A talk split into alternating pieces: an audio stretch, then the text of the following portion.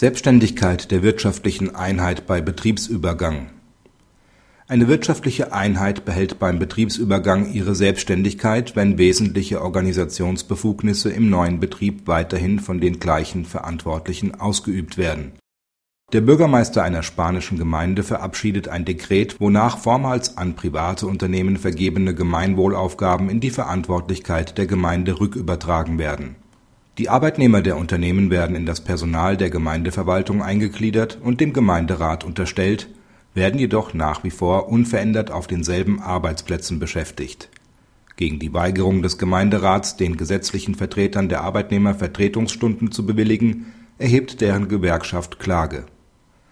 Das zuständige Gericht legt beim EuGH die Frage vor, ob eine übertragene wirtschaftliche Einheit im Sinne von Artikel 6 Absatz 1 der Betriebsübergangsrichtlinie ihre wirtschaftliche Selbständigkeit beibehält, wenn die betroffenen Arbeitnehmer mit Ausnahme der Ablösung ihres obersten Vorgesetzten ihre Arbeit unter unveränderten Bedingungen fortführen, insbesondere von denselben Vorgesetzten Weisungen erhalten. Ist eine wirtschaftliche Einheit selbständig in diesem Sinne, bleiben gemäß Artikel 6 der Richtlinie auch Funktion und Rechtsstellung der für sie im Veräußerungsbetrieb gewählten Arbeitnehmervertreter beim Erwerberbetrieb bestehen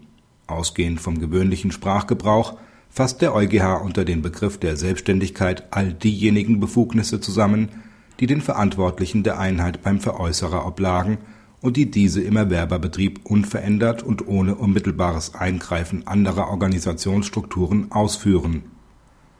Dazu gehört neben der Organisation der wirtschaftlichen Tätigkeit der Einheit die Befugnis, den Arbeitnehmern Weisungen zu erteilen eine Umverteilung der Befugnisse im neuen Betrieb schadet der Selbständigkeit der Einheit nicht, solange alle Verantwortlichen die bereits bisher beim Veräußerer wahrgenommenen Befugnisse auch beim neuen Inhaber ausführen können. Werden diese Befugnisse von anderen Personen übernommen, bleibt die Einheit selbständig, soweit der Austausch der Verantwortlichen unter dringlichen Umständen und nur vorübergehend und nach festgelegten Regeln erfolgt.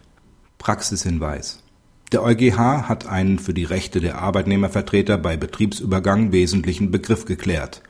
Der Gleichstellung des Begriffs Selbständigkeit mit dem Begriff Identität der wirtschaftlichen Einheit, der für das Vorliegen eines Betriebsübergangs erforderlich ist, hat er damit eine klare Absage erteilt. Diese Unterscheidung ist bei unternehmerischen Beschlüssen zu beachten